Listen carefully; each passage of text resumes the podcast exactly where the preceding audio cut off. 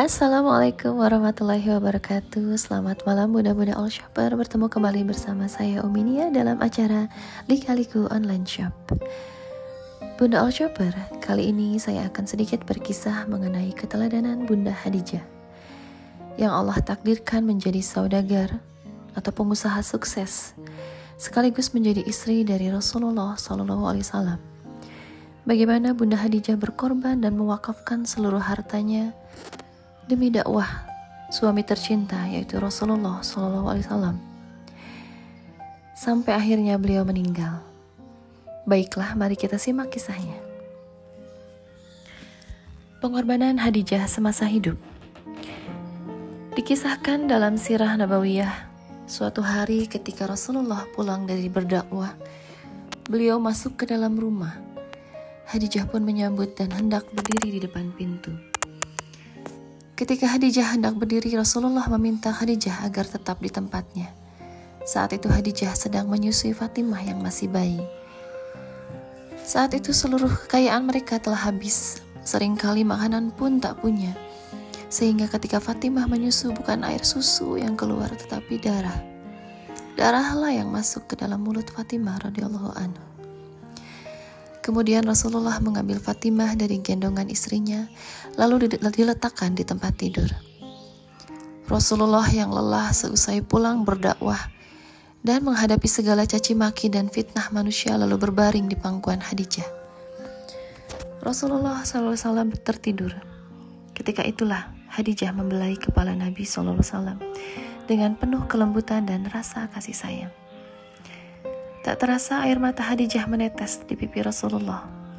Nabi kemudian bangun dan berucap, Wahai Hadijah, mengapa engkau menangis? Adakah engkau menyesal bersuamikan aku Muhammad? Tanya Rasulullah dengan lembut. Dahulu engkau wanita bangsawan, engkau mulia, engkau hartawan. Namun hari ini engkau telah dihina orang.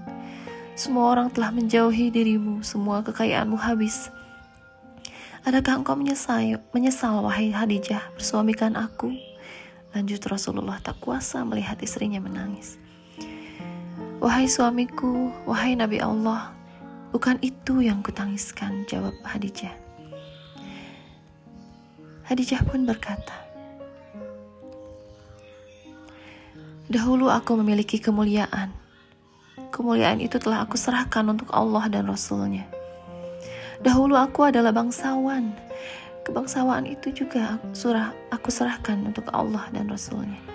Dahulu aku memiliki harta kekayaan. Seluruh kekayaan itu pun telah aku serahkan untuk Allah dan Rasulnya. Wahai Rasulullah. Sekarang aku tak punya apa-apa lagi. Tetapi engkau masih terus memperjuangkan agama ini, agama ini, wahai Rasulullah. Jika nanti aku mati sedangkan perjuanganmu ini belum selesai, Sekiranya engkau hendak menyeberangi sebuah lautan, namun engkau tidak memperoleh rakit atau jembatan, maka galilah lubang kuburku. Ambillah tulang belulangku, jadikanlah sebagai jembatan untuk engkau menyeberangi sungai itu, supaya engkau bisa berjumpa dengan manusia dan melanjutkan dakwahmu. Ingatkan mereka tentang kebesaran Allah, ingatkan mereka kepada yang hak, ajak mereka kepada Islam, wahai Rasulullah kata Hadijah. Mendengar ucapan Hadijah tersebut, Rasulullah pun semakin terpukul. Bunda Hadijah merupakan salah seorang sosok penting dalam hidup Nabi Muhammad dan peradaban Islam secara luas. Kematiannya menjadi sejarah yang menyedihkan, tidak hanya untuk Rasulullah, tapi untuk keluarga, sahabat, dan umat Islam. Bagaimana tidak? Merupakan istri pertama Rasulullah orang pertama yang beriman kepada Allah dan kenabian suaminya. Hadiah juga, Hadijah juga diketahui sangat berjasa dalam dakwah Nabi Muhammad Sallallahu Alaihi Wasallam dan penyebaran agama Islam. Berita meninggalnya beliau menjadi kabar duka yang menyedihkan. Dalam kitab Al-Bushra ulama besar Arab Saudi Syed Muhammad bin Alwi Al-Maliki Al-Hasani menceritakan detik-detik wafatnya istri tercinta Rasulullah SAW. Sayyidatuna Khadijah radhiyallahu an wafat pada hari ke-11 Ramadan, tahun ke-10 kenabian. Tiga tahun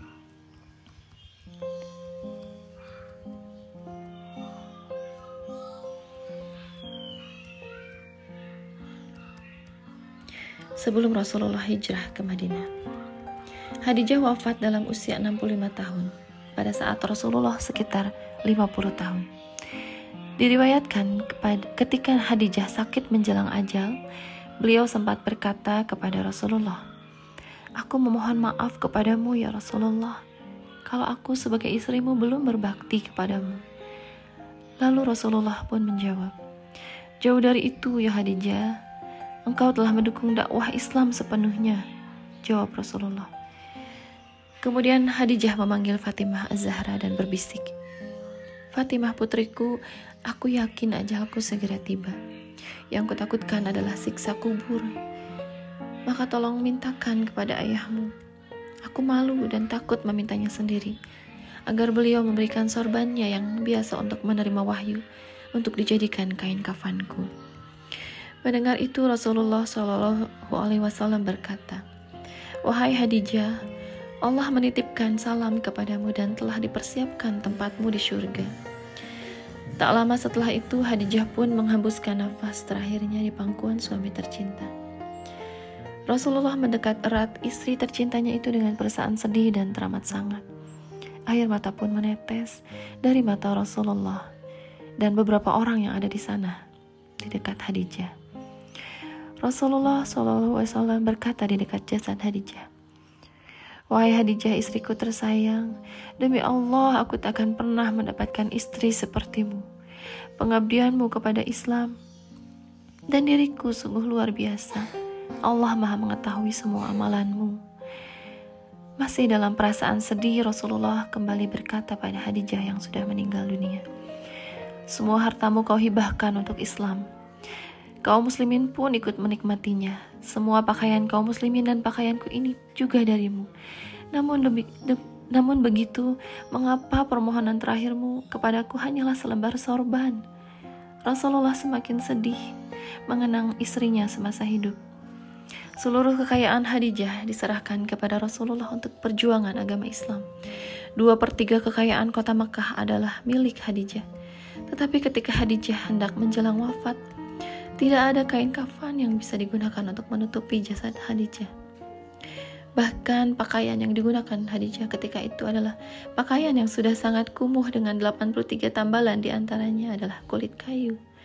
Rasulullah kemudian berdoa kepada Allah, Ya Allah, ya ilahi Rabbi, limpahkanlah rahmatmu kepada Haji Hadijahku yang selalu membantuku dalam menegakkan Islam Percayaiku ketika orang lain menentangku, menyenangkanku pada saat orang lain menyusahkanku, menenteramkanku pada saat orang lain membuatku gelisah.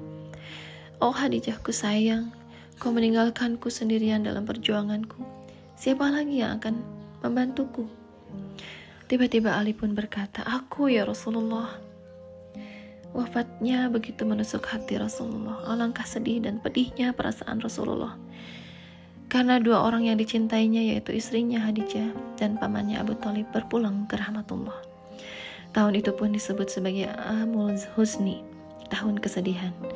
Dalam perjalanan hidup Rasulullah SAW, semoga salawat dan salam senantiasa tercurah kepada Rasulullah SAW dan keluarga beliau.